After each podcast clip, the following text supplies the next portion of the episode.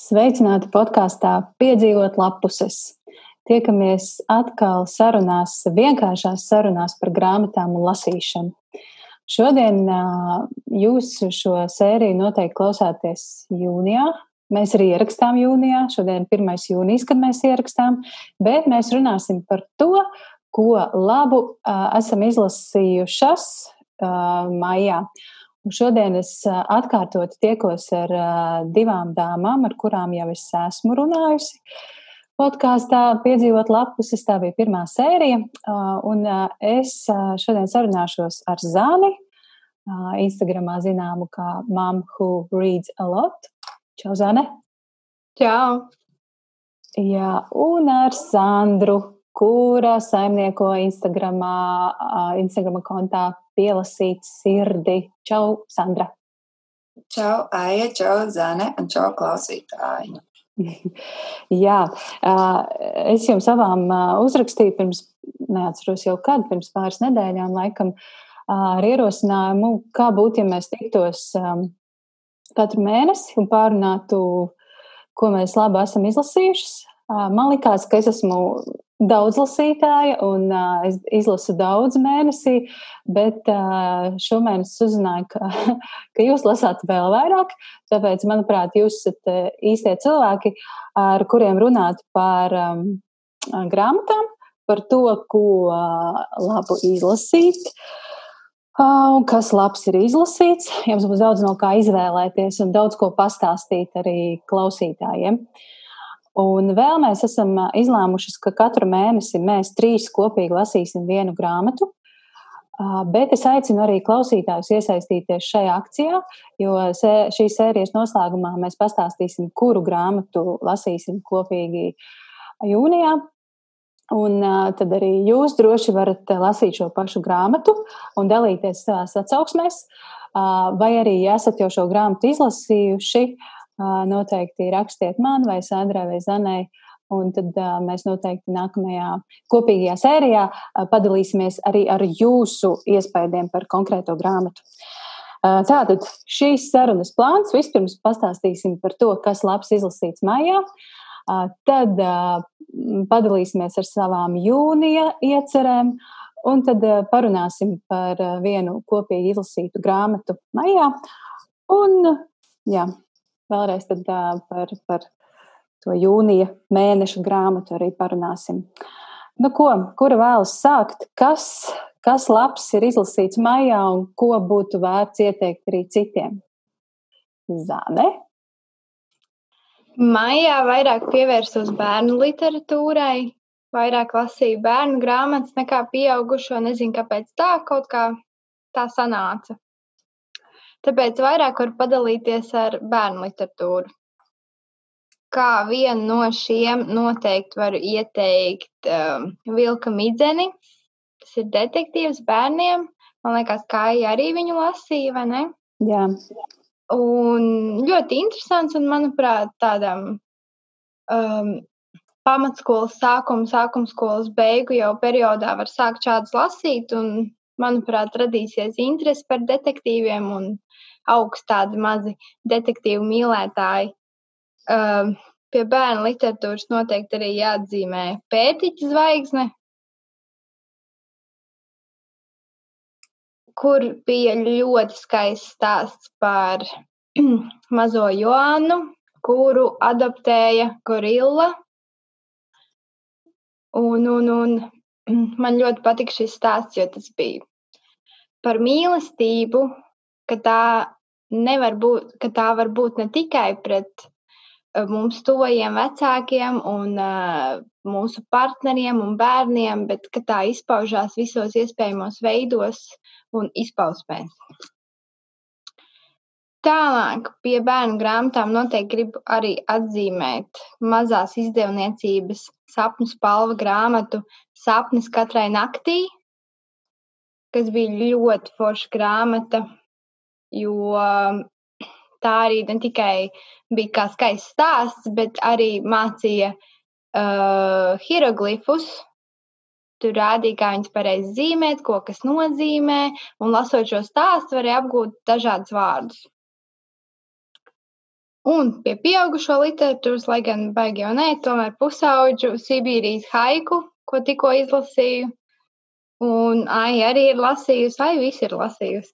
uh, ļoti labs grafiskais stāsts, jeb komiks par uh, izsūtīšanu Sibīrijā ar bērnu acīm. Un, manuprāt, ļoti skaisti pastāstīts, kas patiesībā noteikti bija daudz, būtu bijis daudz dramatiskāk un sāpīgāk un bailīgāk. Un, bet tik daudz skaistuma ir ietverts tajā, kas patiesībā bija tik bēdīgs un tiešām ļoti labi uzrakstīts. Nu, un par ha meiteni Hamelionu mēs parunāsim vēlāk. Mm. Tas ir tas, tā ir daļa no tevis izlasītajām grāmatām. Tas ir tas, ko tu ieteiktu tālāk ja, jā, citiem. Jā, jā. Man un, un Sandrai. Un vēl citiem pārējiem. Un vēl citiem pārējiem. jā. Jā, forši. Uh, un kā ir ar kaut kādām grāmatām? Uh, varbūt tu, tu lasīji un cerēji kaut ko labu izlasīt, bet, diemžēl, vīlies. Uh, kā bija ar to? Vai tu gribi padalīties? Uh, nedaudz vīlos uh, grāmatā Samera, jo, jo kaut kā tās expectācijas bija nedaudz augstākas likās, ka būs interesantāks stāsts, un, bet uh, par daudz informācijas pašā stāstā, par daudz nevajadzīgu atmiņu, un, manuprāt, tas baigi sadrumstaloja to pašu stāstu, un tāpēc tik ļoti nepiesaistīja kā citas grāmatas šomēnes. Mm. Jā, nu, skaisti. Um, bet kopumā es zinu, ka tu esi izlasījusi vesels 19 grāmatas šajā mēnesī. Jā, un tās lielākoties ir bērnu. Tāpēc. Bet uh, tas nav rekords, tavs mēneša rekords. Nu, ņemot vērā, ka tās ir bērnu grāmatas, tad varbūt, ka 19 ir lielākais skaits. Es jau skatījos, ka man Instagramā ir 201 posts, un pagājuši gadu es neizlasīju 100 grāmatas. Tad es nesaprotu, ko es visu šo pusgadu, gandrīz 5 mēnešus esmu darījis, laikam tikai lasījusi. Pagaidā, tu tad sanāk, ka šajā gadā tu jau esi izlasījis 200 grāmatas? Nē, nē, nē, nē. Augustā pirms diviem gadiem, 18. gadā, es izveidoju profilu. Visas mm. grāmatas es lieku tur, mm. bet mm. neapjautu, ka tik daudz jau. Jā, paldies, Zana, par dalīšanos. Jā, es Es esmu izlasījusi divas no tevis ieteiktajām grāmatām. Šomēnes Vilka Mīdzeni es arī izlasīju. Un es noteikti iesaku šo grāmatu gan bērniem, gan pieaugušiem. Un jo īpaši pieaugušiem, kuriem, kuriem jau patīk detektīvi, kuri ir detektīvu cienītāji. Jo, manuprāt, tās atsauces un tās nianses detektīvu žanram raksturīgās var novērtēt tikai tie, kas jau ir bijuši tajā pasaulē un saprot, par ko, par ko tas tiek stāstīts. Protams, interesanti ir arī bērniem šo te lasīt. Cik, es nezinu, cik tavai meitai ir gadu, bet vai tu lasīji arī viņai priekšā? Trīs. Trīs. Bišķiņ pa jaunu. Zin, Bet es nodevu tālāk brālim, viņam ir 13. Viņš iesāka lasīt, un tad viņš, es viņam iedevu divas, mans vecās bija ķirškoks un uh, vilka mīdzeni, un viņš iesāka lasīt vienu, un tad iesāka lasīt otru, tad, tad tagad viņš nezina, ko darīt. Viņam tā kā īsti ne, nepatika, neaizrāva. Viņš nav grāmatu lasītājs, tāpēc es brīnos, ka viņš vispār iesāka kaut ko lasīt. jā, bet ar to vilku midzeni, jā, manai meitai ir divi gadi. Es gan viņai palasīju priekšā, um, kaut gan nu, tās ainas tur ir diezgan tādas, uh, nu, jā, nu, tā kā jau mazliet gribas komentēt no vecāku puses, nu, jo tur ir tāds diezgan asiņains, ir par zaķīšu nogalināšanu un tā, un, bet viņa laikam to, to uztvēra kā tādu mm, vienkārši interesantu stāstu. Man šķiet, ka viņai visvairāk patika zīmējumi, viņai patīk zvēri vispār kā tādi, un, un tad, kad es aiznesu to grāmatu atpakaļ uz biblioteku, viņa vēl man ilgi prasīja, kur ir vilka midzenes. viņa grib šķirstīt atkal un skatīties, un uh, kaut kā viņai ieintriģēja šī grāmata. Kaut gan, jā, es noteikti, ka varbūt divi, trīs gadi nav tas atbilstošākais vecums, jā, sākuma skola, varbūt nu, septiņi. Tā kā uz, uz grāmatas vākarī aizmugurē rakstīts septiņi plus, tas ir arī tas vecums, kad šo grāmatu var sākt lasīt. Uh, bet, kā jau es teicu, noteikti arī vecāki novērtēs šo stāstu. Uh, un par Sibīrijas haiku mm, izdevniecību liels un mazs, kolosāla grāmata. Un, un man, man patīk grāmatas, kuras palīdz runāt par ļoti, ļoti smagām tēmām un nu, tādā nosacīti vieglā formā. Šī ir viena no tādām, un kā tu, Zana, savā atsauksmē arī rakstīja, ka šī pieredze, Sibīrijas pieredze ir gan latviešiem, gan lietuviešiem un citām tautām ir dažāda vēsturiska pieredze. Un, un, tad, jā, tas ir grāmata, un, gra, un turklāt vēl šis grafiskā, uh, grafiskā stāsta uh, formāts palīdz par to runāt tādā bērniem saprotamākā veidā. Un, uh, iesaku, iesaku visiem šo grāmatu, ja vēl neesat to lasījuši, noteikti ņemiet bibliotekās, bet vēl labāk pērciet savam plauktam. Um, Sandra, pastāsti, ko tu esi izlasījusi mājā, ko tu iesaki mums un, un citiem pastāstīt. Zini, man te jautājums, tu saki 19 grāmatas, bet bērnu grāmatas, bet dažkārt tās pusauģu, viņas jau pat, man liekas, vēl biezāk nekā dažs cits saucamais pieaugušo romāns. Jo man arī pārsteidza, mm, tad, kad es izlasīju, mans vecās bija ķiršu koks, es viņu gribēju vēlreiz paņemt no bibliotekas un izrādās viņu jau bija aizmet uz bērnu nodeļu. Es viņu Es nezināju, ka viņa toreiz bija ielikta kā vecāku žūrijā, nu, tieši lasīšana jauniešiem, un man pārsteidza, ka dažkārt tas, ka, teiksim, galvenais varonis ir bērns, nu, nebūtu nenozīmē, ka, teiksim, viņi skaitās bērnu, viņi tikpat labi varētu būt pieaugušo grāmatu. Vienkārši pieaugušie drusku atšķirīgi to stāstu nolasa, to, ko redz pusauģi. Un uh, tad runājot par vēl tām pusauģu un bērnu grāmatām, es esmu apņēmusies, ja runājam par nākamajiem vasaras mēnešiem, tad pieķerties bērnu žūrijai. Es nekad neesmu speciāli, teiksim, pēc saraksta lasījusi. Tās grāmatas ir sanācis vienkārši izlasīt un tad ieraudzīt, ka viņi ir vecāki, teiksim, žūrijā.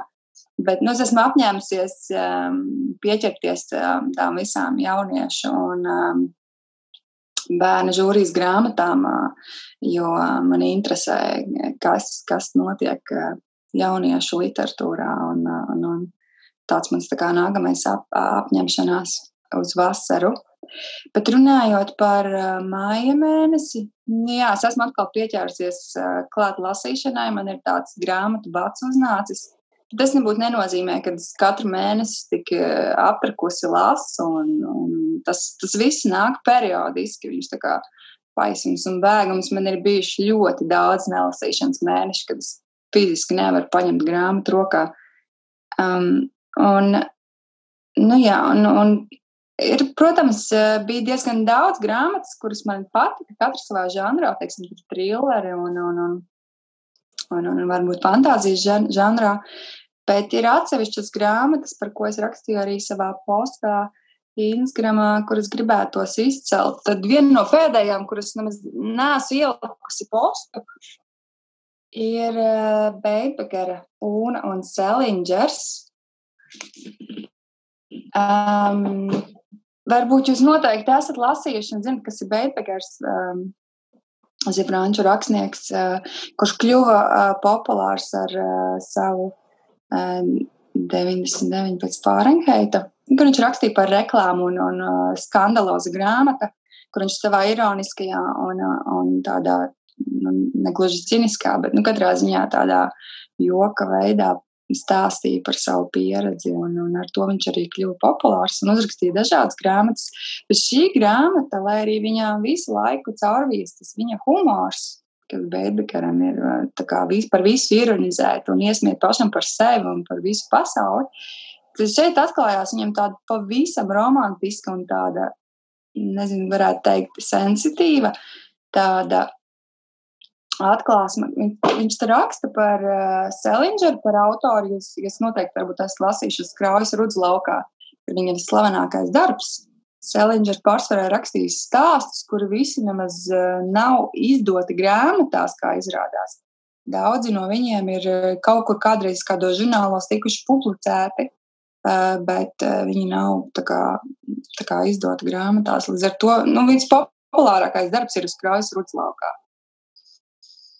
Un te viņš raksta par Selingera satikšanos ar Unu, 15-gadīgu meiteni, kurā viņš iemīlās. Un, lai arī viņam nekad neizveidojas, teiksim, varētu teikt, nu, seksuālas attiecības kā, kā mīļākajiem, vai viņi neizveido ģimeni, visa dzīves garumā viņiem ir tāda mm, īpatnēja vēstule, kad viņš aiziet projām uz karu, un, un viņš vēl joprojām viņu atcerās.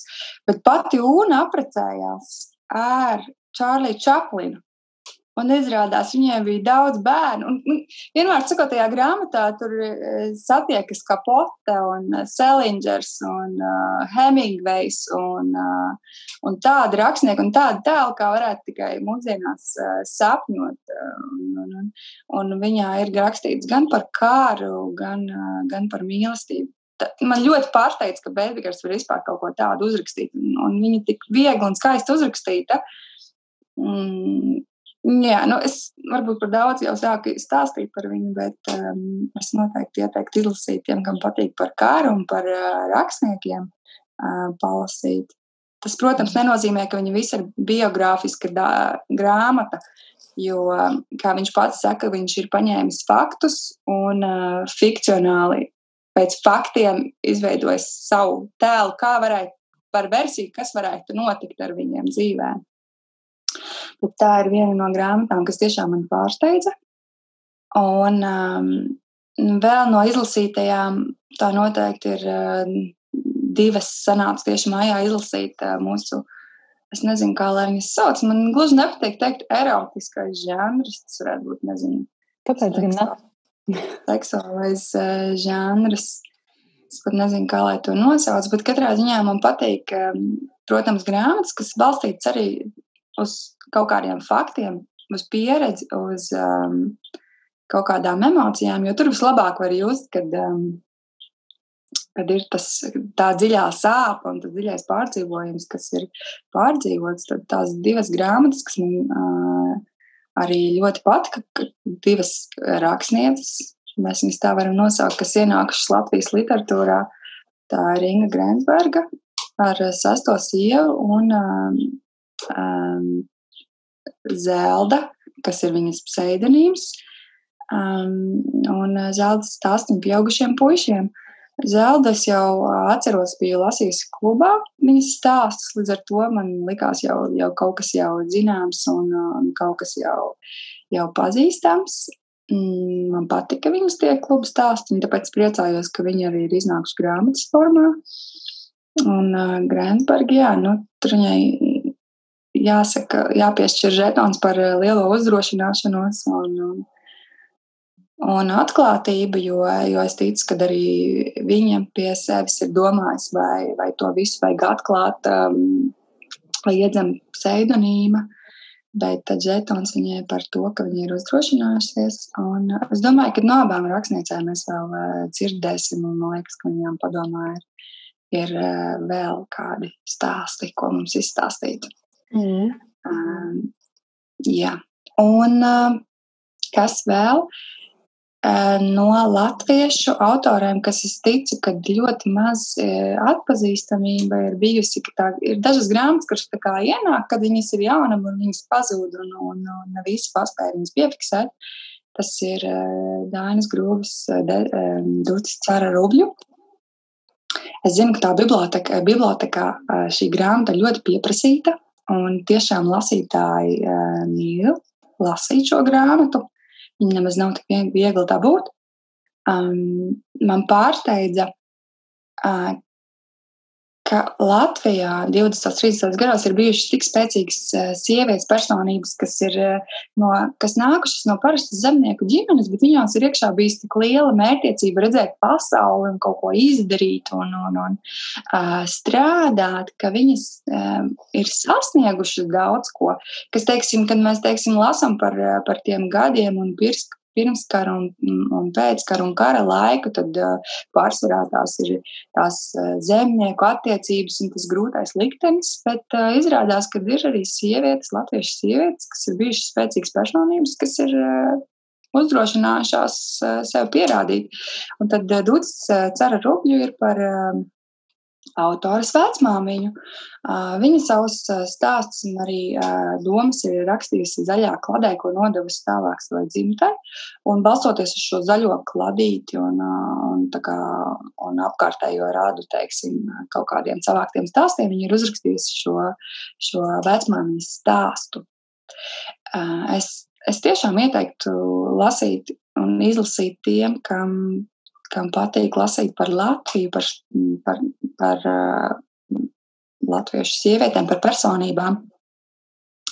Jo viņā visā ir tāds liela, liela sirsnība, ko, ko man liekas, tikai mazmeitiņiem mīlot savu vecmāmiņu, var vispār uzrakstīt par to. Un um, jā, tās ļoti sirsnīgs stāsts. Um, jā, ko es gribētu ieteikt. Tā kaut kā.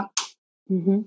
Ar pārējām grāmatām Tur, protams, arī var stāstīt, bet, um, ja vēl ir vēlme, to var visu izlasīt arī Instagram kontā par katru grāmatu.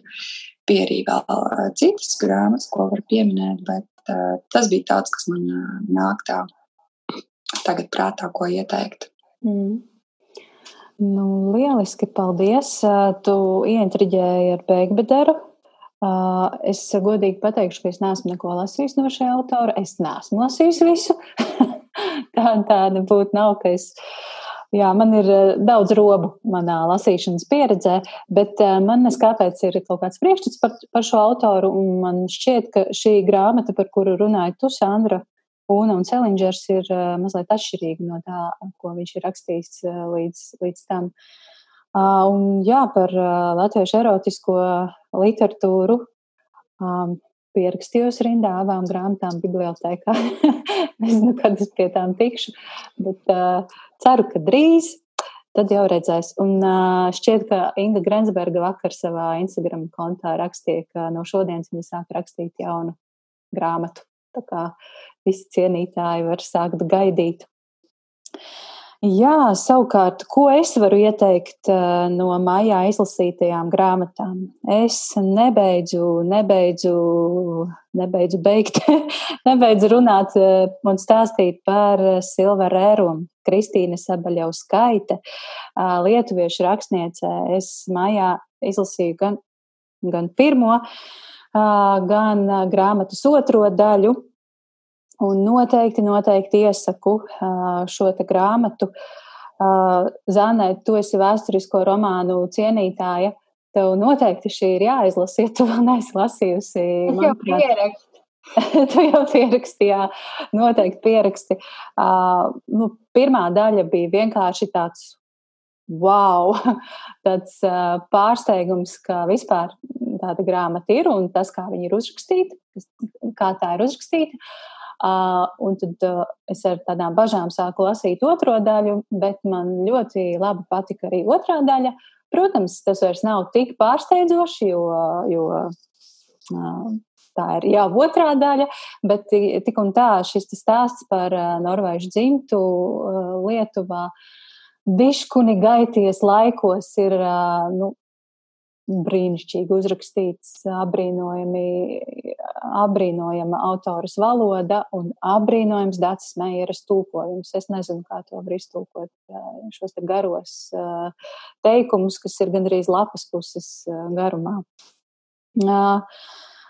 Jā, es izlasīju arī Vladas pāres stāstu krājumu gājiens ar klibo zirdziņu, kas mani patīkami pārsteidza man likās, ka nu, vispār es ne, ne, man, kā lai to tā pasaka, es neesmu īsti stāstu cienītāja. Kaut gan pēdējā laikā gan Jāna Egla, gan Vladis Spāre, arī Daca Vīgante mani patīkami pārsteidz un man patīk stāsti, tie stāsti, ko ir uzrakstījuši viņi. Vladis Spāres pasaulē ir ļoti, ļoti. Mm, Un tas ir stāsts par tādiem mazajiem cilvēkiem, ja tā var teikt. Kā Aleksandrs Čaks savā laikā rakstīja par strādniekiem un ielas meitām, nu, tad apmēram tā raksta arī Vladis, Vladis Spāra, bet tur ir arī tāds ļoti interesants humors brīžam. Nu, tāpat laikā ir arī epizodes, ko paliek tā pavisam smagi lasot šos stāstus. Um, jā, iesaku arī Vilka Midzeni, Annas Tarabiņacas, Krievu rakstnieces grāmata. Mēs jau par to parunājām. Iesaku arī Kristīnas Ulbergas kariet uz Santiago, izdota dien, izdevniecībā dienas grāmata visiem, kuri sapņo par savu Santiago ceļu vai, vai to ir gājuši uh, un vēlas atcerēties, noteikti iesaku. Latvijas mēdī e, maijā, šķiet, ka tas bija maijs, kad viņi to izdeva, bet es izlasīju maijā, izdevuši ļoti skaistu bērnu grāmatiņu krāsu mošķis, autora Anna Ļenasa vai Ļenasa, es nu kā pareizi izrunā. Um, jā, grāmatiņa bērniem par, par emocijām. Zane arī lasīja, cik atceros. To arī iesaku. Un arī Pētergaļa grāmatu Rozijas un Musas noslēpums. Arī to es iesaku. Man patīk šīs sērijas grāmatas. Ja jūs lasīsiet šo, tad vispirms pārliecinieties, vai esat izlasījuši grāmatas pirmo daļu, Rozija un Musa, meitene un zēns. Tas vienkārši palīdzēs saprast nu, kopsakarību, visu stāstu. Kaut gan var lasīt arī atsevišķi. Un pēdējā šomēnes izlasītā grāmata ir latviešu jaunās autores Zane, Zane Nuts vai Zane Nats. Nezinu, kā pareizi izrunāt. Pašizdotā grāmata, es izgludināju viņa krakus. Šī grāmata, es no, no šīs grāmatas neko daudz negaidīju. Nu, nekādu nekādu tādu spilgtu pārdzīvojumu vai, vai filozofiskas domas. Un, un es arī dabūju tādu ļoti vieglu, vienkāršu stāstu, bet šis stāsts bija ļoti patīkams un tā ļoti labestīgi uzrakstīts. Tas ir stāsts par sievieti, kas, kas, kas ir tāda ļoti gaiša un, un viegla un vienkārša, kas satiek eh, vīrieti, kas ir ārsts, un viņš ir tāds mazliet eh, drūms un pārstrādājies. Un tad, kā viņiem izdodas veidot šīs attiecības un uh, par viņu grūtumiem un, un krīzēm un to, kā kopīgi var veidot gaišo nākotni. Nu, tā, um, ja, ja drīkst pastāstīt par, uh, par kaut kādām grāmatām, kas lika vilties, Es mazliet vīlos Odrijas Karlenes grāmatā kalendāra meitene. Tas ir erotiskais romāns un, protams, ka nu, tā nav grāmata, kurā varbūt nu, jā, smelties dzīves gudrības. Tā ir feel good grāmata vai grāmata, kas vienkārši baudai. Bet kaut kā man, man šī grāmata nokaitināja, un uh, bibliotekā es redzēju, ka ir uh, pieejama arī otrā daļa, bet es pat nepierakstījos.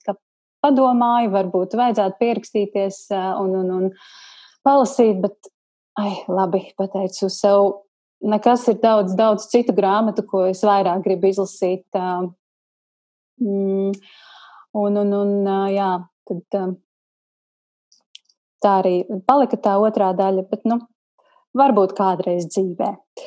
Nu, lūk, kaut kā tā. Um, Man liekas, ka Zana tev var oponēt par kalendāru meiteni.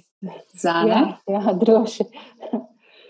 Man patika gan pirmā, gan otrā daļa, otrā daļa pat vairāk. Um, kā viegls stāsts starp trilleriem un vēsturiskiem romāniem, manuprāt, bija tieši laikā.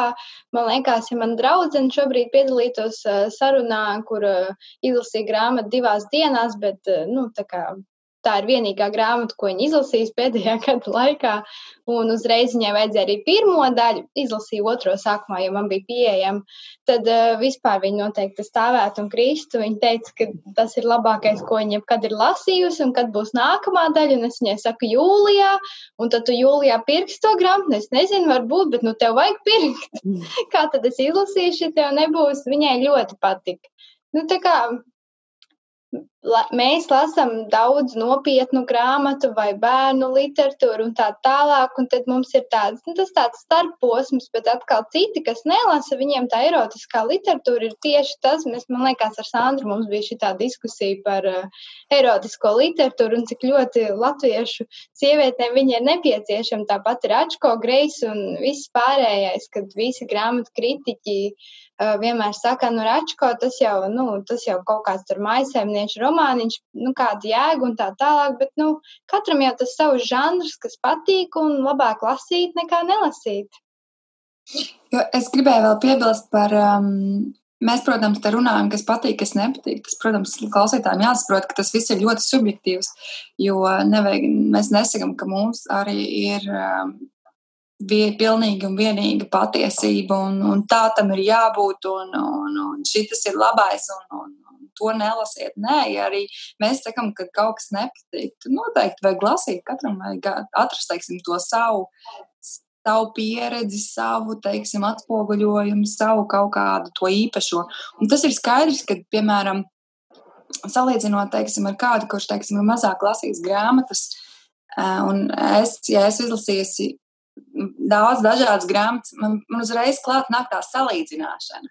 Līdz ar to grāmatai, kuru, teiksim, ja tā būtu mana tiešām vienīgā grāmata mūžā, un es viņai ieliktu piecas zvaigznes, tad uh, izlasot 200 citas, es teiktu, nu, nē, nu, tur ir tikai trīs, jo šito jau es esmu lasījis, un tur vispār bija labāk literāri sarakstīts, un tur bija labāks, nezinu, tulkojums, un tur bija tas. To tā vērtēja, ka nu, nu, tās zvaigznes jau sāk dot ar tādu jau pietāti, jau tiešām, ja, ja kāda ir laba, tad tā tiešām jau ir ļoti laba. Tā kā Bet runājot par žanru erotiskā literatūra, tur, protams, tur jau, teiksim, ne, nevar salīdzināt, teiksim, vēsturisko romānu rūtošai pēti, un tad salīdzināt ar erotisko. Tas, protams, ir grūti, bet ja vērtē kā erotiskās grāmatas tikai pie erotiskā žanra, tad, tad tur, protams, ir vieglāk pateikt, kas, teiksim, ir labāks, kas ir sliktāks. Mm. Nu, jā, nu, erotiskā literatūra droši vien ir vesels atsevišķs sarunas vērta. Un, un, jā, to, to mēs noteikti arī izdarīsim šī podkāstu ietveros. Parunāsim par erotisku literatūru. Zana negrib runāt par erotisko literatūru. Ja? Man gan patīk runāt par erotisko literatūru. Jo, ir tik daudz da labas grāmatas, kā piemēram Vagīnas monologu, kur arī ir tik daudz dažādos izrādes uzvestas uz šīs lugas, lugas romāna teiksim, pamatiem. Un ir tik daudz, nu, nu, teiksim, arī tajā saucamajā, teiksim, mm, smagajā tēmā, teiksim, varbūt kādreiz, piemēram, Bukovskis arī. Es ne, nevaru nosaukt Bukovski par erotisko literatūru, bet viņam ir tik daudz arī iekšā nu, seksuālu ainu un, un, un diezgan tādu uh, agresīvu un, un, un tādu, kad um, nu, nevienmēr, teiksim, romānu, kurā ir pieminēta seksuāls ainas, mēs viņu ieliekam pie erotiskā, bet uh, tāpēc mums ir tik daudz dažādas, ļoti daudz dažādas labas grāmatas, ir, kuras mēs varētu ieteikt, kā es nevaru teikt seksuālai izglītošanai, bet uh, bet, bet katrā ziņā, nezinu, seksualitātes apzināšanai vai, vai, vai seksuālās dzīves izsaukšanai vai. Mm. Tu, es kaut kā pēkšņi atcerējos, es nezinu, kuras šo biju dzirdējusi, vai tas bija Twitterī izlasīts vai, vai kaut kādā intervijā izlasīts, bet es atceros, ka vienu brīdī uh, ļoti lielā topā bija šīs grējā grāmatas. Tad tas bija, man liekas, Valdis Melderis, kas šķiet, viņš ierakstīja Twitterī, o, iznākusi jauna grēja, jauna grēja grāmata. Tagad sieva kādu laiku atkal būs mīļa. tas likās tik amizanti. Uh, jā, jā nu tas ir par ero, erotisko literatūru neliela atkāpe. Bet kā ir ar jūsu uh, jūnija lasīšanas plāniem? Ko jūs gatavojaties lasīt jūnijā? Vai jums ir jau grāmatu kaudze, uh, vai ir kaut kāda grāmata, oh, Zana rāda savu grāmatu kaudzi, vai ir kāda grāmata, ko jūs jūnijā gatavojaties iegādāties, uh, uh, vai, vai nu, pastāstiet par šo? Par jūnija grāmatām iegādāties, es jau paspēju iegādāties vesels trīs uh, runājām jau par vilka midzeni, un plēsēji tiesības man ir jau rokā. Nevar sagaidīt, kad lasīšu. Kaut kāds bērnu prieks ir manī par šo. Tad kādam, nezinu kam, uh, Instagramā lasīju atsauksmi ļoti labu par stāstu krājumu, ko tik, tikko izdevu Zvaigznā ABC sadarbībā ar, nevis sadarbībā, bet kaut kāds kultūra tur uh, kapitāla finansējums, kaut kas tam līdzīgs. Tur bija ieslēdz gaismu, un otrā pusē izslēdz gaismu. Sarakstījusi Saula Simuka. Uh, es pat neatceros vairāk par ko tur bija, bet es, man kaut kā tā ieinteresēja tā atsauksme, ka grāmatu veikalā ieraudzīju un uzreiz nopirku. Mm. Man liekas, šai grāmatai ir ārkārtīgi skaists vārks. Jā, gan vienā, gan otrā pusē. Jā, no abām pusēm. Tad vēl jaunums man plauktā ir 13 iemesli. Mm -hmm. Kaut kad skatījos sērijas Netflixā, sen, sen atpakaļ pirmo, pirmo sezonu tikai. Vairs neatceros, kas tur bija. Es parasti nu, tā mazāk skatos televizoru, kaut kas man novērš uzmanības aizēju, un tā tur sērijas iet uz priekšu, un es nemaz neskatos. Bet šī arī ir uh, bērnu un jauniešu žūrijas grāmata, Un tā kā plānoju pavasarī pabeigt visu žūrī, diezgan daudz jau ir izlasīts, tāpēc arī paņēmu. Un vēl jūnijā, cerams, tāpat žūrijā ir brīnuma istaba un aizliegtais pienīns. Arī lasīšu, tāpēc, ka ir žūrijas grāmatas, bet uh, brīnuma istabu gribēju jau sen izlasīt, tāpēc Tāpēc arī priecājos, ka nu būs iemesls, kāpēc. Un tad vēl brīnums, ko tu ieteici. Uh, Aija jau sen atpakaļ. Viņš jau man jau mm. sen, sen paņems no skolas bibliotekas un kā vienmēr nobīdās, kaut kur tā nobīdās, bet ceru, ka jūnijas būs īstais brīdis, lai izlasītu. Un trīs grāmatas, ko piekdien ieraudzīju bibliotekā jaunumu uh, kaudzītēs. Tātad liels un mazs jaunākā grāmata Zilās zāles vasara par, nezinu, kā pateikt, par homoseksuālismu. Divu jaunu pušu mīlestību, jā. Jā, par homoseksuālismu. Tad krimināla romāns Bērns Miglā. Man liekas, es uz viņu pat nepierakstījos, bet man kaut kā šodien iedēm, kad izsniedz grāmatas, bet nu redzēs, kas būs iekšā. Un Latē faktors. Mm -hmm. Lasīju pāris labas atsauksmes, domāju, nu, varbūt jāizlasa atkal kaut kas, kas nav romāni, trilleri un detektīvi vai bērnu literatūra. Tāpēc Latvijas faktors arī manā plauktiņā. Mm. Es domāju, Zana, ka tev noteikti patiks Māra Bērziņa aizliegtais pianīns, jo tev, tu esi pedagogs un, un, un, un tur, nu, tur ir skaisti aprakstīta šī te pedagoģiski birokrātiskā puse, nu, tā ka līdz asarām un izmisumam skaisti. Un brīnums arī, jā, ak, Dievs. Grā, tā grāmata brīnums ir īsts brīnums. Un tādu grāmatu, man liekas, vispār nav daudz. Un es esmu priecīga, ka es, es zinu šo grāmatu, un es iesaku visiem uh, sev apkārt, kurus zinu, kurus nezinu, iesaku šo grāmatu. Un, uh, Forši, ka tu, es ceru, ka tu beidzot uh, to izlasīsi no sirds iesaku. Es arī, un gan arī aizmirsu, šobrīd lasu pēc Sandras ieteikuma. Sarkanā adrešu grāmatiņa, esmu tikusi pusē, man ļoti patīk. Grāmata atnāca pie manis īstajā brīdī, pēc uh, meitene Hamilions un klusējošā pacienta, kur bija psiholoģisks tēmas, es sāku domāt par savu vietu pasaulē un to, ko mēs atstājam pēc sevis un par cilvēku, par nāvu un visu to. Un es vienkārši sāku lasīt šo grāmatu un tieši īstajā brīdī pēc sajūtām. Tik skaisti uzrakstīts un, un, un, un, un vairāk atsauksmes būs, kad izlasījuši negribu. spoilers palaist, bet ļoti skaisti. Mm -hmm. Skaisti. Nu, tāds labs plāns tev ir, Zana. Tad pilnīgi aizrījies. Ja? Tad nākamajā mēnesī raudzīsim, klausīsimies, vai tev ir izdevies izlasīt šo visu lielo kaudzi un kāds būs tavs atsauksmes. Sandra, kā ir ar tevi? Ko tu lasīsi jūnijā? Jā, paldies, Zana, ka pateici par sarkanu adrešu grāmatiņu.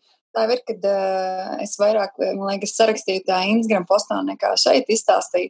Ir tik daudz grāmatas, jā, protams, arī sarkanā adreša grāmatiņa bija grāmata, ko es labprāt izceltu, bet nepateicu, jo tur es raudāju gan sākumā, gan beigās.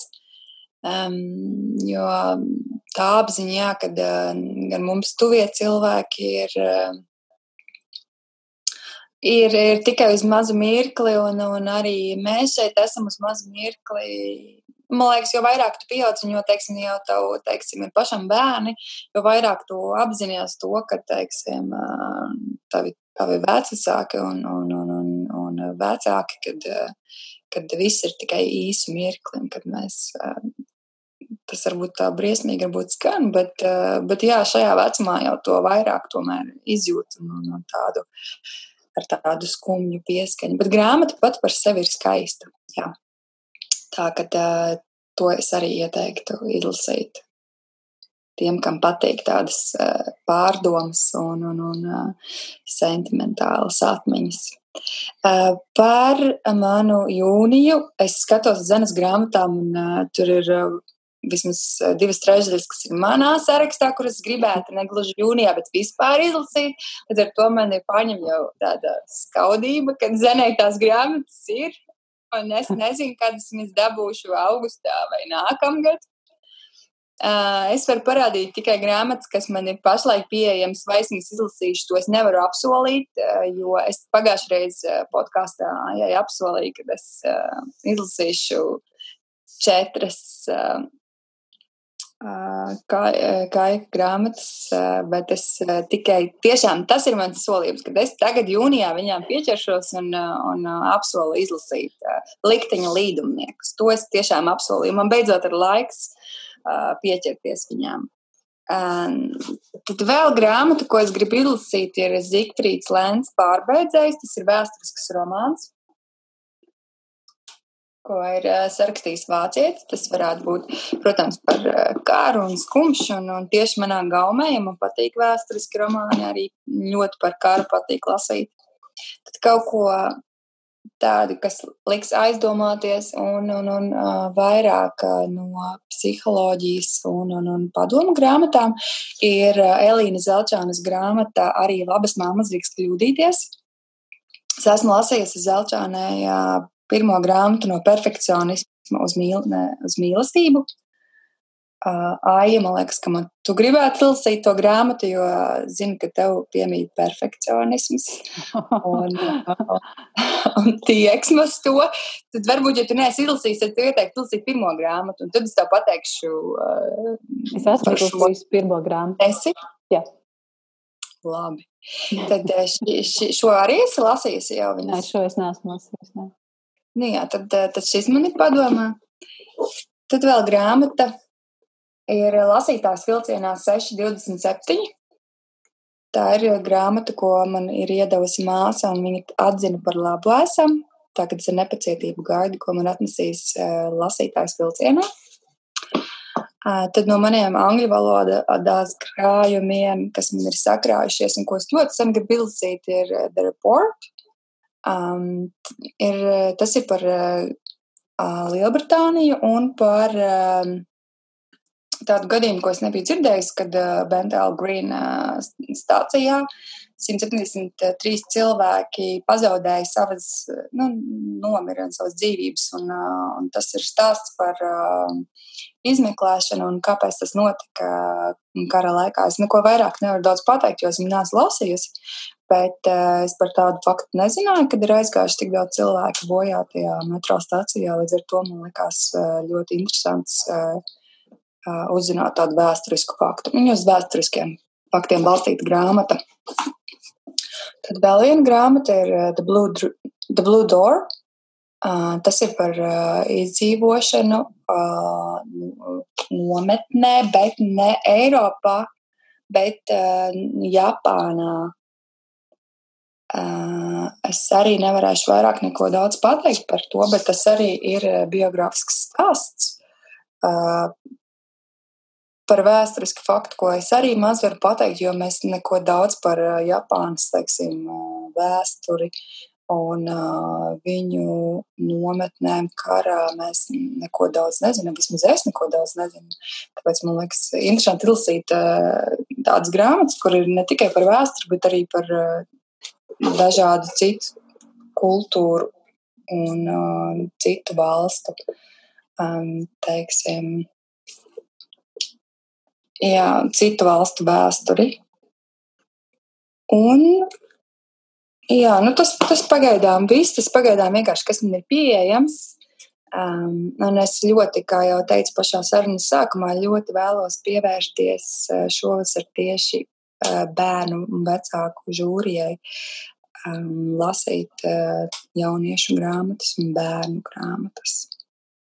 Lieliski, jā bērnu jauniešu literatūra ir uh, mana mīļākā literatūra. Tieši tāpēc, kā gadījies, kā ne, jūnijas ir sācies jau ar vienu izlasītu grāmatu manā kontā. Tā ir šī mazā plānā grāmatiņa, kā suns, kā kaķis. Izdevējs liels un mazs, autors Pērs Nilsons, Zānē arī nu, pat nesen ir izlasījis. Jā, un, um, man, man patīk tā jauniešu pasaule. Un, manuprāt, mums, kas nu, jau ir pieauguši cilvēki, ir vērts lasīt par to, īpaši, ja mums ir bērni, jo nu, tā mēs vienkārši labāk sapratīsim, kas notiek viņu, viņu pasaulē, viņu, viņu galvās. Un, kā es rakstīju jau savā atsauksmē šodien Instagramā, nekā jauna jau patiesībā tajā grāmatā nav. Nu, tieši pašā stāstā, bet šī grāmata ir mazliet citādāk uzrakstīta, tādā citādākā stilistikā. Un tā intriga ir tajā, ka līdz pat beigām īsti nav saprotams, kas ir kas un, un kurš tur ir. Kurš ir, kurš ir zēns, un kurš ir meitene, kurš ir brālis, kurš ir māsa. Man pat vienā brīdī likās, bija aizdoma, ka abi ir puiši. Es droši vien, ka tagad jau stāstu spoilerus, nē, es ne, visus nerunāju vairs par šo grāmatu citādi. Īsnībā man lasot bija baigā dusma, ka es biju lasījusi citu atsauksmes, jo tas kaut kādu burvību šai grāmatai atņem, ka es zinu, ka man tagad kaut kas ir jāmeklē vai jāatrod un jāsaprot. Vienkārši, jā, atvainojos visiem, kam es sabojāju, varbūt lasīšanas prieku, bet noteikti izlasiet šo grāmatu. Uh, iesāku šodien dažas lapas puses palasīju šai grāmatai, kuras nosaukums ir Skaistākās rokas Delī, izdevu, izdevējs Latvijas mēdī, autors Mikēls Bergstrands, stāsts par 40 gadnieku, šķiet, 40 gadnieku, kurš uh, kaut kādā savas dzīves krīzes brīdī dodas uh, sevis meklējumos uz Indiju. Es zinu, ka Zēna, tu esi šo grāmatu lasījusi. Es pareizi visu pateicu. Ir tur par 40. Man liekas, ka 50 gadnieks, bet es lasīju pašā, pašā janvāra sākumā, tāpēc es arī varu kļūdīties. Jā, nu tā tad uh, vīrs pusmūžā, kas dodas sevis meklējumos uz Indiju. Un es jau atradu arī seriālu Netflixā, ieliku savā skatām listē, kā līdz ko būšu izlasījusi grāmatu, tā arī paskatīšos, kāds ir šis seriāls. Vēl manā kaudzītē ir Emmas Hīlijas grāmata Elizabete ir pazudusi. Jānis Roze izdevis. Pavisam nesen lasīju vienu atsauksmi Instagramā. Šķiet, ka varētu būt laba. Es zinu, ka ir arī filma. Tā kā atkal var kaut ko skatīties. Un apgāda Jūmava, Zans mīļākā pēdiņās izdevēja.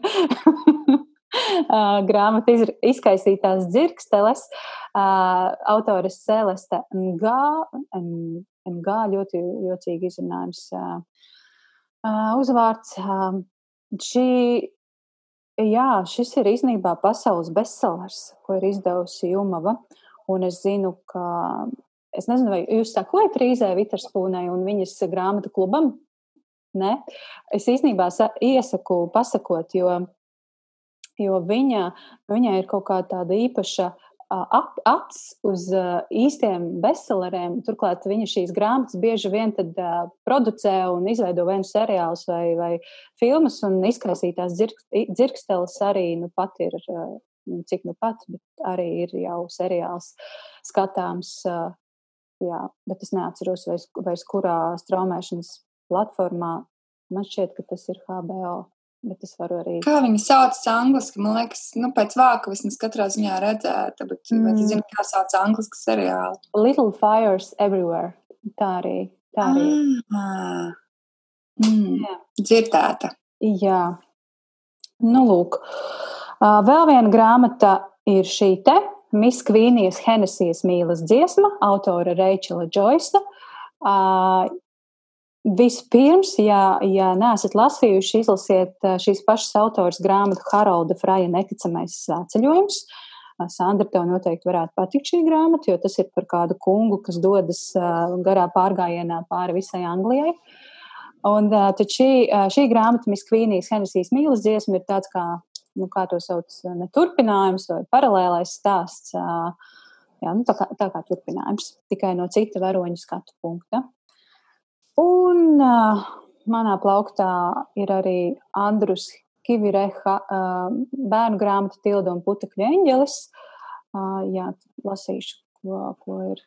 Šķiet, ka tas ir Igauņu rakstnieks. Uh, jā, ko viņš ir sarakstījis. Un es uh, ceru, ka man šajā mēnesī izdosies tikt pie Silver Ēruma trešās daļas. Noteikti došos kaut kad drīzumā uz grāmatnīcu to iegādāties. Man šķiet, ka es uh, pirkšu arī šo te jauno dienas grāmata sēriju. Es esmu par latviešu rakstniekiem, jo ir iznākusi pirmā grāmata Krauklis, autors Andris Zēbots, uh, un tā ir grāmata par Jānu Ziemeļnieku. Man uh, ļoti simpatizē šī ideja rakstīt par latviešu rakstniekiem, kas varbūt uh, nav tādi uh, paši, paši spilgtākie latviešu literatūrā, bet uh, ir tie, pietiekami pamanāmi. Uh, par tiem ir noteikti vērts uh, runāt, lasīt un uh, zināt vairāk. Nu jā, un protams, cītīgi sekoju arī liels un mazs jaunumiem. Šodien iznāca jauna dzējoļu grāmatiņa, Marta Pujāta dzējoļu grāmatiņa. Un, un es patiesībā ļoti nekritiski uh, izturos pret liels un mazs bērnu grāmatām. Man patīk, eh, man, man lielākoties patīk viss eh, no šīs izdevniecības un labprāt arī iegādājos šīs grāmatas. Esmu šaubu pārņemta par Salijas Rūnijas grāmatu normālu cilvēku. Man ļoti gribas izlasīt, bet um, man bail, vai, vai šī būs grāmata, ko es vēlēšos paturēt savā plauktā. Zana, tu esi lasījusi, man šķiet. Normāli. Jā, es izlasīju angliski. Mm. Kā tev patīk? Uh, bija sava noskaņa, nu tāda īpatnēja, diezgan depresīva grāmata. Mm. Tā kā stāsts par dažādām depresijām, ko cilvēks piedzīvot dzīves laikā. Apmēram tā es varētu to raksturot, ka sākot ar skolas laiku, ar vidusskolu, ka viens bija atstumtais un otrs bija populārais, un tad viņi tur nedaudz satikās pa kluso, un meitene bija noskumusi un depresīva. Tad atkal augstskolas laiks, kad atkal puisis bija atstumtais, tad viņam ir depresija un meitene ir populāra. Tāda ļoti depresīva. Man bija interesanti tas, ka uh, viņa bija uzrakstīta bez tiešās runas. Mm.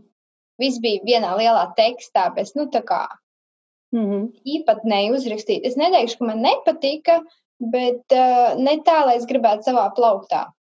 Mm. Nu, izklausās, ka tā gan varētu būt manējā grāmata. Depresija un, un dzīves krīzes tieši kā man.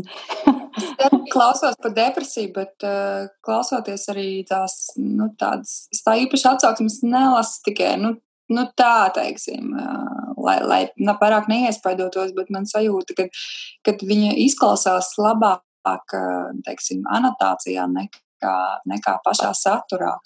Un, um, pēc, pēc anotācijas liekas, ka man arī patīk depresīvas grāmatas un, un, un, un, tādas drūmās noskaņas, bet uh, man ir sajūta, ka, uh, ka tā ir grāmata, kurā var uh, var vilties. Bet, protams, es kļūdos. Ja, man, ja tā grāmata pie manis nonāks, es viņu, protams, izlasīšu. Un runājot par tavu grāmatu jūnijā, mm -hmm. arī man ir Elizabete Izmisīga, man pāris gadus viņa stāv plauktā. Pirms viņa vēl bija izdota latviešu, un es esmu speciāli atvedusi savu mājās plauktu un nolikusi ar domu, ka uh, varbūt beidzot ir jāpieķeras un uh, jāizlasa. Mm. Tā kā mēs varbūt varam abas jūnijā izlasīt, un uh, Jā. lai nav pārāk daudz spoileru. Jā. Jā, nu ko? Uh, mēs tā labi iesākām, uh, aizķērām depresijas tēmu. Man šķiet, ka mēs varam ķerties klāt mūsu maija grāmatai. Kā jau es minēju, Mēs katru mēnesi lasīsim, kopīgi lasīsim, nu, katrs savā mājās, protams, un savā laikā un savā ritmā, bet mēneša laikā izlasīsim vienu grāmatu. Šoreiz mēs tā nu, tas bija tāds ātrs lēmums, tāpēc mēs varbūt arī pārējiem klausītājiem to tā baigi neizziņojām. Bet šī grāmata, ko mēs lasījām šomēnes maijā, ir Zvaigznes ABC izdotā uh, grāmata Meitene Hameleons, autore, na, aut, tas ir autoru uh, pāris, Natālija Morozova un Taras Ivaščenko. Un uh, es gribu pateikt, pirmkārt, es gribu pateikt paldies izdevniecībai Zvaigznē ABC par atbalstu šīs, šīs podkāstu sērijas tapšanā, jo izdevniecība mūs nodrošināja ar šīs grāmatas eksemplāriem. Un, uh, mēs līdz ar to visas trīs veiksmīgi arī tikām pie grāmatas, izlasījām un varam to pakomentēt.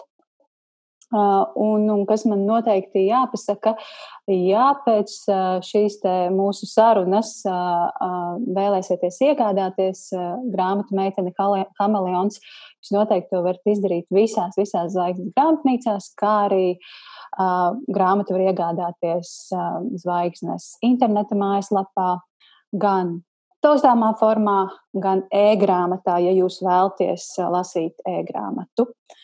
Tas ir iespējams. Nu, lūk, ko sākam, parunāsim mazliet, centīsimies neatklāt pārāk daudz par šo grāmatu, lai nesabojātu lasīšanas prieku un pašu, pašu atklāsmi. Kaut gan šķiet, ka nu jā, Nu, mēs vienkārši nianses neatklāsim, kaut kādas saturiskas nianses. Tā, um, kura vēlas sākt, pakomentēt, kā, kā, kā bija lasīt šo grāmatu, vai patika vai nepatika, vai, vai kaut kāda beigā jautrošanās notiek. À, jūs rādat vienu uz otru ar pirkstiem, ja? Man jāsāk? Sandrai jāsāk runāt. Labi, es sākšu. Es sākšu ar nelielu ievadu, jo, ah, jā, es tieši arī gribēju sākt. Un kāpēc es gribēju sākt? Es gribēju sākt ar, ar mazu, mazu atvainošanos visiem kas, tiem, kas varbūt klausījās pāris sarunas iepriekš. Mēs ierakstījām uh, citiem runātājiem sarunu par uh, grāmatām un depresiju, depresīviem noskuņiem vai smagiem emocionāliem brīžiem dzīvē. Un tur es minēju šo grāmatu, un es uh, nebiju papētījusi sīkāk, kas ir šīs grāmatas autori. Uh, es teicu, ka izklausās pēc ārzemniekiem, varbūt krieviem, un es šausmīgi, šausmīgi ļoti atvainojos par šo dezinformāciju, jo autori, kā jau minēju, ir Natālija Morozova, Taras Ivaščenko, un tie ir latvieši, šie ir, šie ir latviešu autoru grāmatu, un, un par to man ir īpaši liels prieks, ka, ka šī ir mūsu, mū, mūsējā grāmata, tā teikt, latviešu ražojums. Uh, un kas ir īpaši jāuzsver, uh, Natālija Morozova ir klīniskā psiholoģija, Savukārt Taras Ivščenko ir ārsts, psihoterapeits, un tas ir abu šo speciālistu kopdarbs. Un, ja jūs esat dzirdējuši par šo grāmatu, tad noteikti zināt, ka šajā grāmatā ir atspoguļota depresijas un robežstāvokļa personības traucējuma būtība. Tātad divi speciālisti, garīgās veselības speciālisti, ir uzrakstījuši grāmatu par par depresiju un nu, robežstāvokļa personības traucējumiem. Es ļoti, ļoti vēlējos šo grāmatu izlasīt. Man ir prieks, ka man tas izdevās. lasot šo grāmatu, es biju mazliet, mazliet nobijusies, jo es jau iepriekš biju lasījusi, ka šo grāmatu neiesaka lasīt, ja cilvēks ir jau nomāktā stāvoklī vai kaut kādā tādā savā dzīves krīzes brīdī. Un vairāk vai mazāk man šādi krīzes brīži pēdējā pusgada laikā notiek un ir. Bet um, pirmā grāmatas daļa man likās uh, ļoti ok. Es tikko to visu galā, bet kaut kur pusē manī notika dikti liels lūziens. Uh, un man kļuva tiešām ļoti, ļoti smagi lasīt šo stāstu. Uh, neminot uh, nianses, uh, ka, kas tur īsti tajā grāmatā notiek, uh, bet jā, vienkārši kļuva smagi, domājot par tām situācijām, kurā galvenā varone savā dzīves laikā ir nonākusi. Un, un domājot par lēmumiem, kā, kādus viņa veids, mm, jā, mm. jā, vienādi sakot, man kļuva smagi. Bet kaut kā es līdz grāmatas beigām nokļuvu. Un, um, uh, es nezinu, vai var teikt, ka grāmatas beigās es jutos uh, labi vai slikti vai, vai atviegloti.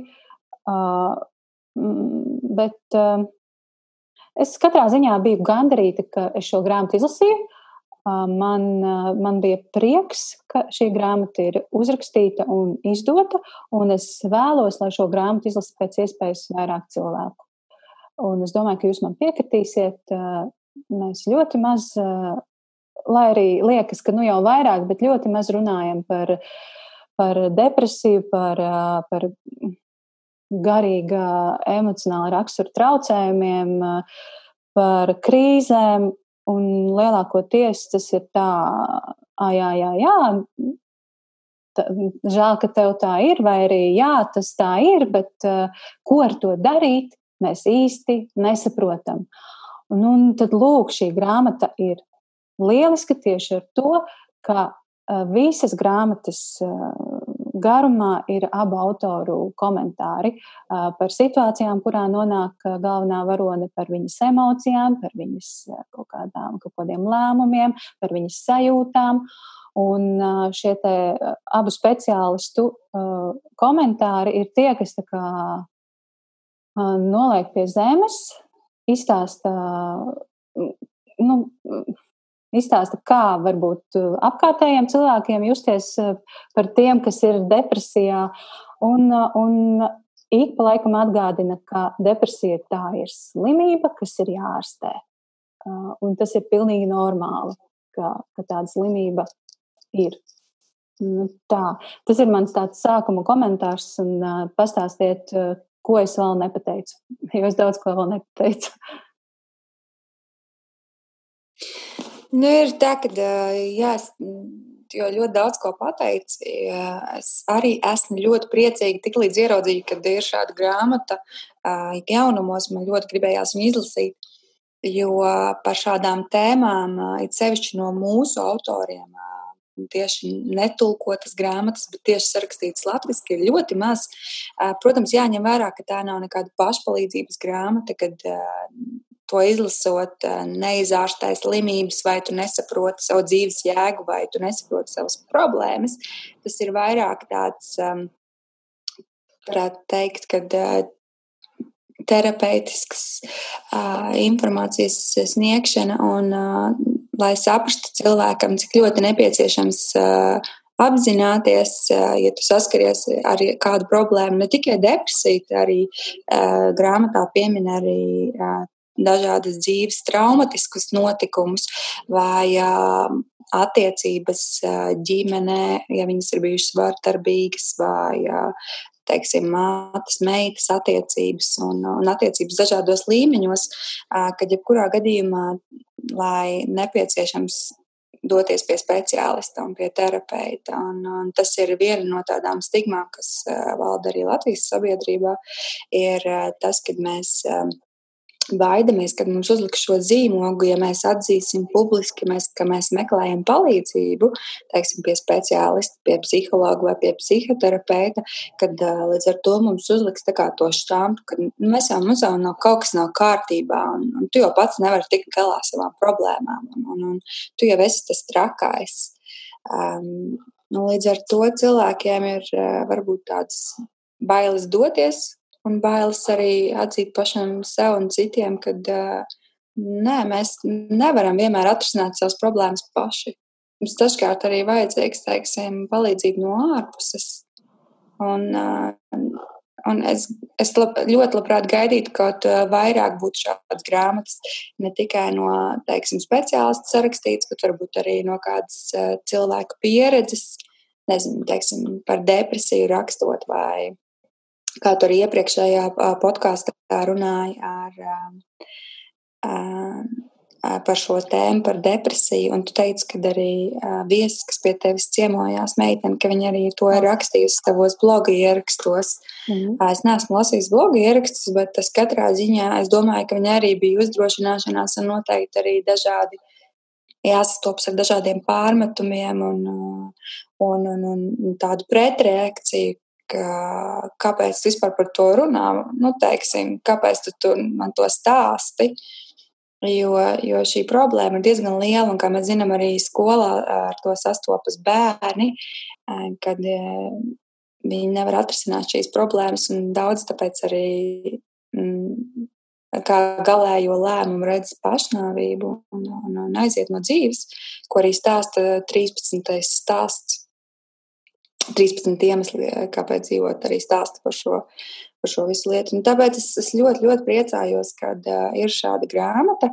Viņa, protams, ir literārs darbs, bet tie mm, profesionāli komentāri uh, sniedz tādas uh, tā kā atbildes tieši uz jautājumiem, uh, kā, teiksim, kādas ir tās pacienta un terapeita attiecības, tiem visām emociju gammām, pieķeršanās un, un bailēm un noraidījumam, ka, ka tas ir tikai normāli, ka mums ir visas šīs emocijas iekšā un, un, un, un viņas nevajag apspiest.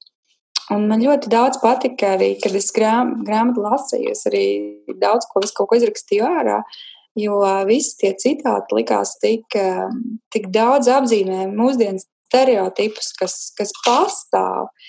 Um, teiksim, uh, kur es negribu daudz atklāt, bet teiksim, citāds bija, man mamma jautāja, vai man patiešām ir depresija, varbūt vienkārši esmu slinka un negribu neko darīt. Un šis, man liekas, citāts, viņš ir viņš ir tik spilgts, kā, kā mūsdienās daudzi, kas saskars ar depresiju, kad uh, tuvākie vai, teiksim, darba attiecībās cilvēki to arī tā arī uztver, ka cilvēks ir vienkārši slings un viņš ir izdomājis problēmu, lai kaut ko nedarītu. Tad tā depresija ir tas, tas viņa izgudrojums, jo vai tu, tu nevari piecelties, vai tu nevari to izdarīt. Un, un, un šādā veidā tie visi tie stereotipi un viss tiek grāmatā aprakstīts. Un, un, un, man liekas, ļoti spilgti arī pierāda to, tās emocijas, kam iet cauri cilvēks ar traumatisku pieredzi. Un, un, un, um, es kaut kur lasīju, ka Kāds izteica, ka uh, pārāk neticams ir laimīgās grāmatas beigas, teiksim, ka nu, tā nevar būt. Bet es teikšu, ka, uh, ka, ka tieši kaut kāds stariņš, tas kaut kas pozitīvais, kad, kad, ka viss nav tik nolēmts dzīvē, kad, kad tas dod tādu iespēju, ka jā, mums ir iespējams risināt problēmas, mums ir iespējams uh, iziet no šīs krīzes. Man liekas, tas ir. Tas ir it sevišķi, ja to lasa kāds, kuram uh, pašlaik ir ļoti bēdīgs posms. Man liekas, viņam tas tik ļoti vajadzīgs, kad uh, nevis teiksim, kad grāmatas beidzas ar, nezinu, pašnāvības izdarīšanu un tam līdzīgi, bet, uh, bet tomēr uz pozitīvas nots. Mm. Jā, tu, Sandra, minēji, ka mm, šī grāmata ir literārs darbs. Man liekas, ka šis ir mazāk literārs darbs nekā uh, divas uh, citas grāmatas, par kurām es atcerējos, lasot meitene Hameleons. Tās ir Zanes Zustas, uh, Tarakāni manā galvā un aiz durvīm, kas uh, ir nu, kaut kur līdzīgas, jo Tarakānos uh, bija šie interesantie sadzīves stāstiņi, kur pēc tam bija Diānas Zandas, nu, kā speciālistas komentāri. Savukārt aiz durvīm bija romāns par, par terapeitu un viņas pacienti un to, kas, kā veido šīs attiecības un par viņu personiskajām dzīvēm. Jā, ši, šis ir kaut kas mazliet, mazliet līdzīgs, bet tomēr es teiktu, ka te vairāk ir šī profesionālā mm, profesionālā puse. Tie ir divi tiešām nu, nu, jomas speciālisti. Uh, un, un kas, kas uh, ir izveidojuši šo darbu, un uh, kas ir jāpiemina, ka šī meitene, kas ir galvenā varone, ka, ka tā ir uh, autora fikcija, kā viņi raksta priekšvārdā, ka tas nav reāls tēls, bet uh, nu, no, no vairākiem pacientiem uzbūvēts uh, iespējamais cilvēks. Ko es gribēju vēl piebilst, jā, kāpēc teicu literārs darbs. Es tev pilnīgi piekrītu. Es esmu lasījusi abas zustas grāmatas, un man arī radās teiksim, tās similaritātes, tās līdzības. Un, protams, salīdzinot, teiksim, zustas darbs, es, ir pavisam teiksim, liela fikcija. Bet kāpēc teicu, ka tas literārs darbs, tāpēc, kad kaut kur kāds bija minējis, ka pēc anotācijas spriežot, ir licies, ka tā būs grāmata, ko, ir, ko teiksim, konkrēts cilvēks ar konkrētu depresiju ir kā, nu, izteicies un, un savu pieredzi stāsta. Tāpēc es esmu bijusi vilšanās, ka tas tomēr ir uh, izgudrojums. Jā, no vienas puses var teikt, ka te, tie reāli piemēri ir īsti, tikai viņi ir savākti no dažādiem cilvēkiem un izveidots eh, literārs eh, varonis, literārā meitene ar problēmām. Bet uh, problēmas ir no īstiem cilvēkiem. Un tāpēc es saku vienkārši literārs darbs, jo, jo lai nerodas priekšstats kā citiem, kad, kad to ir sarakstījis vai, vai piemērs ir no viena konkrēta cilvēka. Tā mm -hmm. gluži tas nav. Mm -hmm. Tātad, meitene Hamilions. Uh, pirmām kārtām tā vilšanās bija, kā jau Sandra teica, es gaidīju, ka būs tās reālās meitenes dienas grāmata, un tad būs autori, psihoterapeiti un tā tālāk skaidrojums par to, kas ar viņu notiek, kā tas skaidrojums no tā viedokļa un tā tālāk. Bet, nu, kad sāku lasīt, domāju, nu, jā, nu, žēl. Bet beigās sapratu, ka nē, varbūt tāpat ir labāk. Nevis viens cilvēks piedzīvojis to visu, ko Kaija ir piedzīvojusi. Un, um, grāmata man patika ļoti. Es priecājos, ka tāda grāmata vispār ir uzrakstīta un izdota. Uh, tā noteikti informē cilvēks par tēmām, ko ikdienā nerunā. Manuprāt, tīpaši Latvijā. Latvija vēl joprojām dzīvo zem tāda maza kupola, ka viss jau ir saulaini un viss jau ir skaisti. Bieži esmu dzirdējusi frāzes, ko jau uz, uz Sandras uh, postā par šo grāmatu komentēja, ka pēcdzemdību uh, depresija ir tikai sievietēm, kuras pienācīgi nerūpēs par saviem bērniem. Viņiem vienkārši ir pārāk daudz brīvā laika un slinkums, tāpēc viņiem ir laiks kaut kādām depresijām, jo agrāk jau tādas nebija. Sievietes strādāja, gāja uz kūtu pie lopiem, bija mazi bērni, nebija pamperi, veļas mašīnas un tā tālāk. Es domāju, ka noteikti ka bija pēcdzemdību depresija, vienkārši par to nerunāja, par to kaunējās.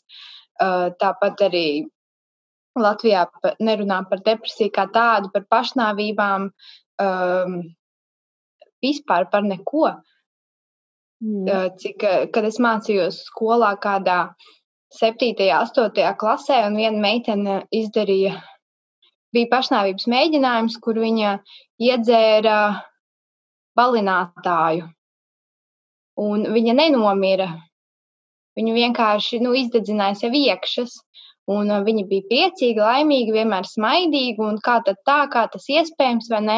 Noteikti kāds viņai pakluso darīs pāri un tā tālāk. Bet iekšē, ārēji cilvēks var būt laimīgs, bet mēs nekad nezinām, kas notiek iekšēji. Tieši tāpēc šī grāmata ir ļoti svarīga, Un ne tikai šī, bet daudzas šādu raksturu grāmatas, lai cilvēki izprastu, ka depresija nav tikai izdomāta slimība, ka tas, tā ir lieta, ne lieta, bet slimība, ko cilvēks iegūst, kad viņā sakrājās par daudz visādu pārmetumu sev, pārmetumu pret citiem, pret vecākiem, bērnības traumām, pret uh, izvarošanas mēģinājumu, pati izvarošana, viss kaut kas tāds. Mēs nekad nezinām visu par cilvēku, ko viņš ir piedzīvojis, kā viņš jutās tajā brīdī. Tas, ka cits varbūt piedzīvojis izvarošanu un to pārdzīvos, un viss bija kārtībā, nenozīmē, ka cits atkal tieši šādu momentu pārdzīvo viegli, un pat ja viņam viņš ārēji izskatās, ka viss ir kārtībā, tad ne, tā nebūtu nav. Mm.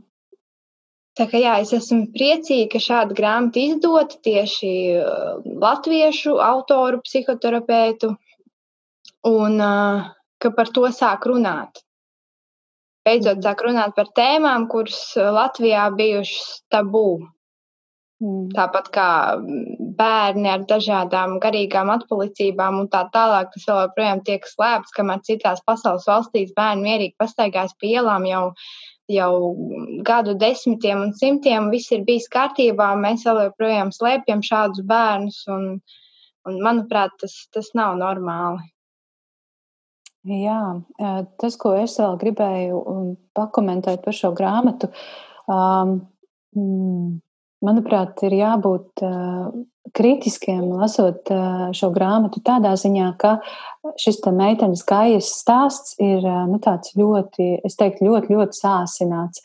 Viņai ir ārkārtīgi nu, mm, drūma pieredze, bet es gribētu piebilst, ka nebūtu nav jābūt tik ļoti ārkārtīgi trakai un sliktai uh, dzīves pieredzē, lai piedzīvotu depresīvu noskaņojumu vai depresiju vai domas par pašnāvību. Nu, es to saku tāpēc, ka varbūt kāds lasa un domā, ah, nu ar mani jau nav noticis nekas tik slikts kā ar šo meiteni, tad jau noteikti, ka nu, viss ir kārtībā un man nav jāiet pie terapeita vai man nav jāmeklē palīdzība. Uh, noteikti, noteikti nē. Ja ir slikti, tad uh, šī palīdzība ir jāmeklē. Neskatoties uz uh, pagātnes notikumiem, ja tie ir mazāk traumatiski nekā tie ir šai meitenei, kā ieej uh, grāmatā aprakstītajai. Nu, lūk, un kas man varbūt mazliet nepatika šajā grāmatā, un to es arī rakst, lasīju atsauksmēs, ka tā šķiet mazliet, mazliet sasteigta. Uh, ka notiek šie notikumi, un, un tad ir tāda kaut kāda ļoti liela krīze. Un tad liekas, ka pēkšņi notiek atlapšana, un, un viss ir ļoti labi, un var dzīvot dzīvi tālāk. Es arī, protams, saprotu autors, jo tad varbūt šī grāmata ievilktos un būtu divreiz biezāka, kas nav vajadzīgs, un tādam ieskatam, kas ir depresija un kā jūtas cilvēks, piedzīvojot depresiju. Tas ir tieši tik, cik vajadzīgs. Un vēl par atsauksmēm runājot, ieskatījos Gudrīd aplikācijā, un tur šai grāmatai šobrīd ir četras zvaigznes, kas ir ļoti, ļoti labs rādītājs, četras no piecām. Tā kā lasītāji lasa un lielākoties atzinīgi šo grāmatu novērtē. Kā ar jums, varbūt, Sandra, tev ir kaut kas vēl no, no kāds personisks stāsts, tu arī par šo mazliet dalījies savā Instagramā. Kā, kā jūs personiski ietekmē šī grāmata? Nu, es gribēju vēl pateikt vienu citātu, kas man ļoti patika, kas bija, ko grāmatā min. Tur min, ka rūpes par psihisko veselību ir nopietns darbs pašam ar sevi visas dzīves garumā. Un šeit es nerunāju tikai par depresiju vai kaut kādām traumām. Tas vispār tā, teiksim, mūsdienā cilvēki saskars ļoti daudz ar izdegšanu, jo viņi tik daudz darba, velta darbam un nevar sadalīt, teiksim, darbu, ģimenes dzīvi, hobijas, un tas viss ātri cilvēku izdedzina. Līdz ar to tās mentālās problēmas um, ir daudz lielākas nekā mēs apzināmies. Jo, mm, kā viņi arī min, katrs trešais cilvēks savas dzīves laikā saskars ar kādu no mentālām problēmām vai, vai nezinu, kaut vai ar trauksmi, ar, ar bailēm, depresiju. Un līdz ar to mm, tas ir ļoti svarīgi par to visu laiku rūpēties, ka tas ir, ka tas ir nebeidzams darbs. Vienalga, vai tu teiksim, pārvar to depresiju, tev varbūt nākotnē atkal būs kaut kādas citas problēmas. Tas ir visu laiku nu, tāds, tāds darbs ar sevi, ar savām domām. Un, un, un, man liekas, to katram ir vērts apzināties un, un, un tāpēc nebaidīties par to runāt. Jo, jo pat, ja sabiedrībā būs kaut kāds viedoklis, bet varbūt ka būs kāds cilvēks, kas jūs sapratīs un uzklausīs. Um, pat ja tas nav terapeits, kā es teiksim, kad izveidoju šo postu, vairāk man minēja par uh, to, ka uh, terapeits maksā lielu naudu un uh, tā ir tikai bagāto iespēja apmeklēt. Jā, es piekrītu, ka terapeits maksā naudu, tam es, tam es pilnīgi piekrītu, bet uh, tajā pašā laikā Es arī pazīstu personiski dažus studentus, kuri vēl ir mācījušies un katrā ziņā nav pelnījuši nekādu lielo naudu, bet es zinu, ka viņiem tā problēmas ir dzīvē bijušas tik lielas, ka viņi vienkārši nevar fiziski funkcionēt. Un uh, tas cilvēks konkrēti viņš ir uh, katru mēnesi ir atlicinājis naudu, lai dotos pie sava psihoterapeita lai risinātu šīs problēmas. Jo savādāk viņas visu laiku veļas un kļūst ar vien lielākas. Un, un, un, un tu pēc tam vairs nevari ne pastrādāt, ne pamācīties, ne arī kaut ko citu darīt. Vienalga, vai tās ir problēmas mīlestības dzīvē, vai problēmas bērnībā, vai, vai nesaprašanās ar vecākiem. Vienalga, kādas tās problēmas bijušas. Um, tāpēc es gribu teikt, ka varbūt ir svarīgi saprast arī prioritātes un, un teiksim, atrast veidu, kā palīdzēt sev. Tas, tas nevienmēr ir tikai naudas jautājums. Protams, tas ir dārgi. Es arī labprāt katru mēnesi apmeklētu psihoterapeitu un, un, un, un, un tam līdzīgi, bet, bet es gribu teikt, ka pasakot tikai ka tas ir dārgs un to nevaru atļauties, tas dažkārt tomēr ir prioritāts. Tad varbūt, teiksim, paskatīties, varbūt es nepirkšu grāmatas, bet es tomēr, jo, jo, jo paskatās, divas grāmatas maksā arī kā viens psihoterapijas seans. Un, teiksim, ja mēs uh, grāmatās meklējam savu psihoterapiju, ja, teiksim, Jo man grāmatas daudz ko palīdzējuši, daudz ko jaunu atklājuši. Tas ir savu, man savu veidu meditācija, bet teiksim, divas grāmatas arī ir tas viens sēns. Mm. Un, uh, šķiet, ka tas bija psihoterapeits uh, Arthurs Miksons, kas nesen vienā sarunā teica, ja tu savu problēmu ielaidīsi, tad pēc tam to ārstēt būs vēl daudz, daudz dārgāk. Tā kā jāsāk, jāsāk rūpēties par sevi jau šodien, un uh, jā, arī tad, ja vēl problēma nav. jāmeklē tas laiks sev un, un jāmeklē tā sava labsajūtas formula. Jā, nu, tad kā mēs iesakām lasīt grāmatu Meitene Hameleons? Es to gribētu ieteikt izlasīt savai mammai īstenībā. Jā. Es gribētu, lai to izlasa arī mans brālis, bet viņš arī viņš diez vai izlasīs. Bet uh, kam jūs ieteiktu izlasīt šo, šo grāmatu? Protams, uh, visi, kas, kas grib to var lasīt. Es īpaši gribētu, lai to izlasa mana mamma.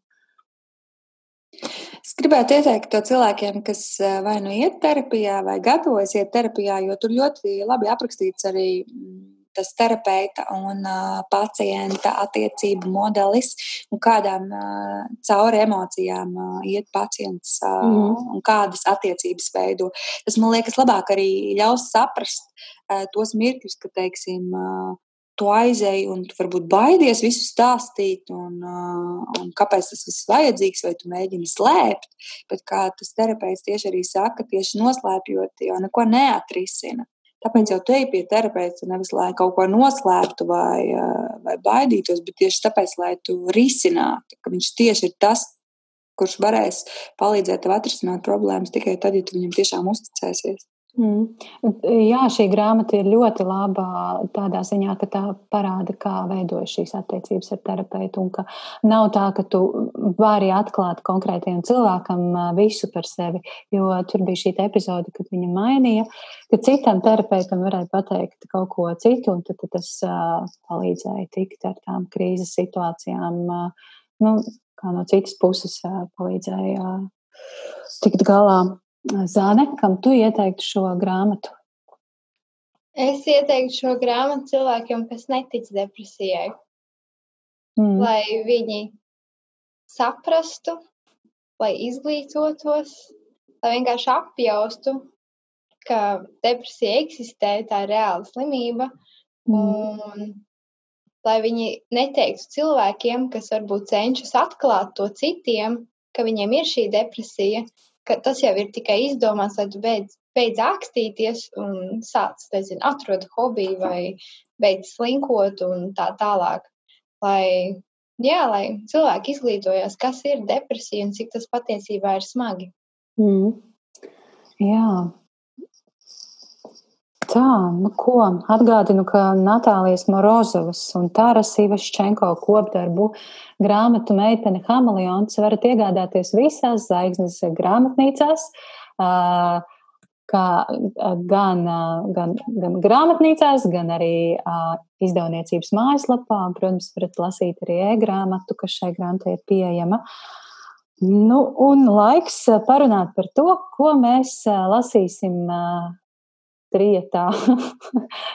tā jocīgi izklausās, kā mēs sēdētu vienā būdiņā vai jūras krastā un lasītu vienu grāmatu. Bet, jā, tad, grāmata, ko mēs, ko mēs pasludinām par mūsu jūnija mēneša grāmatu, Bumbrīboņa. Šo grāmatu izvēlējās Sandra. Sandra stāsti, kas šī ir par grāmatu, kāpēc tā ir tavā plauktā un kāpēc tu to vēlēsies izlasīt. Un, jā, un iesaki arī mums. Jā, tā tad uh, grāmata, ko uh, mēs visi trīs un cerams arī jūs visi klausītāji lasīsiet, būs Linda Šmita Rainītis.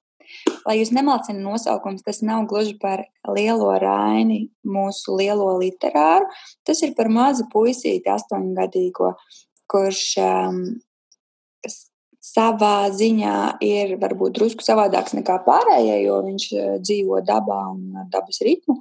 Un, uh, es vairāk neko daudz nevaru izstāstīt par to, jo es pat neesmu lasījusi, bet uh, cik saprotu, tas ir ļoti aizkustinošs un skumjš stāsts par uh, puisīti, kurš uh, aug pie vecās mātes, jo mamma ir devusies projām uz ārzemēm, un arī tēvam viņš nav vajadzīgs. Uh, Un, tā viņš dzīvo savā, savā pasaulē, jūtu pasaulē un, un, un, un dabas pasaulē. Kāpēc izvēlējos šo grāmatu? Nu, viņa man jau bija izvēlēta no bibliotekas jau kādu laiku. Tagad tieši sanāca tā, ka tā kā viņa ir pieejama arī 3 tēva dēļ, 3td.lv virtuālajā bibliotekā. Tā kad arī jums, meitenes, ir iespējams viņu izlasīt, un tāpēc arī iespējams ir izlasīt arī visiem pārējiem. Mm -hmm. Man liekas, tas būtu lielisks veids, kad uh, mēs varētu uh, visi izlasīt un gan komentāru veidā, vai nezinu, ieteikumu veidā apspriest šo grāmatu. Man liekas, ka uh, tas varētu būt ļoti lielisks darbs, Kā, kā es saprotu, arī Aijai patīk lasīt tādas jauniešu grāmatas, un kaut arī tā ir pieaugušo grāmata, bet nu, savā ziņā tā kā tā ir par puiku, tad tā arī ir tāda, varētu teikt, pie bērnu literatūras. Un kāpēc vēl es papētīju vairāk par pašu Lindu, par autoru, par Lindu? Un izrādās, viņa ir latviešu literatūras skolotāja. Oh. Un tā, kad arī jums abām tas varētu būt ļoti tuvu tēma, līdz ar to viņai, šie, viņai ir sarakstīts vesels desmit grāmatas gan ja bērnu grāmatas, gan pieaugušo grāmatas. Dažas grāmatas ir izdotas viņai caur Latvijas romānu. Varbūt tāpēc arī viņas nav tik ļoti teiksim, populāras, jo cit tām grāmatām met ar līkumu, bet tas nebūtu nenozīmē, ka viņas būtu sliktākas. Un ne tikai šī, viņai arī ir vēl viena cita grāmata, kas raksta par skolu un par nesaprastiem teiksim, bērniem.